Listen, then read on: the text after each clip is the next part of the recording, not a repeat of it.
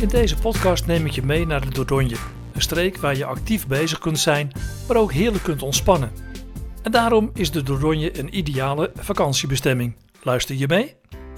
Vakantie in de Dordogne, dat wordt genieten van natuur en historie.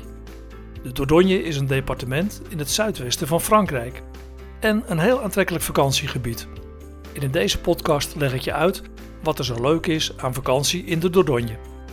Zoals in meer streken in Frankrijk gaat ook in de Dordogne de geschiedenis terug tot de prehistorie. Rotstekeningen in verschillende grotten die wijzen er zelfs op.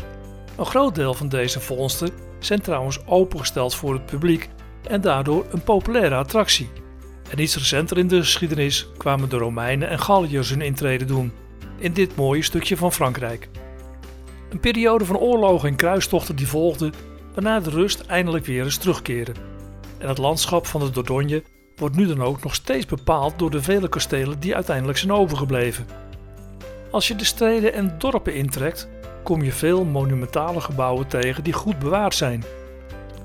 En bij de toeristen is de Dordogne vooral populair vanwege de mix van natuur, historie en cultuur en de rivier natuurlijk. Je kunt er eigenlijk alle kanten op en dat maakt de Dordogne zo aantrekkelijk. Bijvoorbeeld een dagje naar een attractiepark met het hele gezin, of een middeleeuws dorp bezoeken of een stadje. Ontdek de grotten met de mooie muurtekeningen, of bezoek een interessant museum. Het kan er allemaal. De rust en het landelijke aangezicht in combinatie met lokale lekkernijen zorgen altijd voor een geslaagde vakantie in dit deel van Frankrijk. Maar je kunt ook eens een keer op avontuur gaan tijdens je vakantie in de Dordogne. Ben je bijvoorbeeld met kinderen op stap? Nou, het barst in de Dordogne van de buitenactiviteiten. Kano op de rivier. Maar je kunt bijvoorbeeld ook in La en Saint-Vincent-le-Paluel avonturenparken bezoeken waar je lekker kunt klimmen en klauteren. Liever een andere rustige activiteit?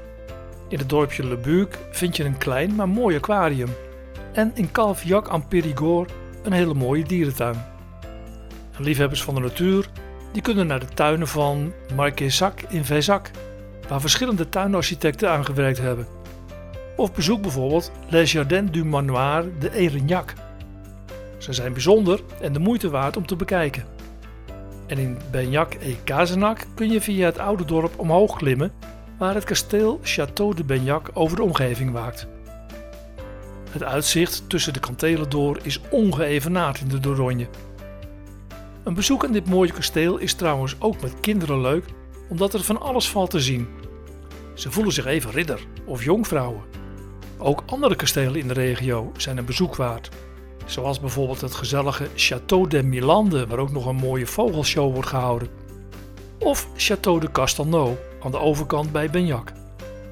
Wie op zoek is naar een verblijfplaats of een vakantiehuis in het gebied, kan het zo gek maken als hij zelf wil. Proef het buitenleven op een van de vele campings of kies voor iets meer comfort en luxe in een bungalow of villa of een mooi vakantiepark. De keuzemogelijkheden in de Dordogne zijn eindeloos.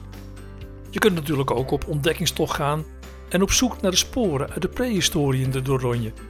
De meest opmerkelijke verschijnselen die je in dit deel van Frankrijk tegenkomt zijn zonder twijfel de grotten en muurtekeningen. Die van Pechmerle zijn beroemd, maar vooral de grotten en tekeningen van Les Aiguilles de Taillac zijn indrukwekkend. Het is bijzonder om te zien hoe men duizenden jaren geleden al bezig was om sporen achter te laten. Welke dieren herken jij op de rotswanden? Dit is trouwens ook de plaats waar een compleet museum over de prehistorie is ingericht. Het Musée National de Préhistoire voert zowel jong als oud mee op ontdekkingstocht langs lang vervlogen tijden.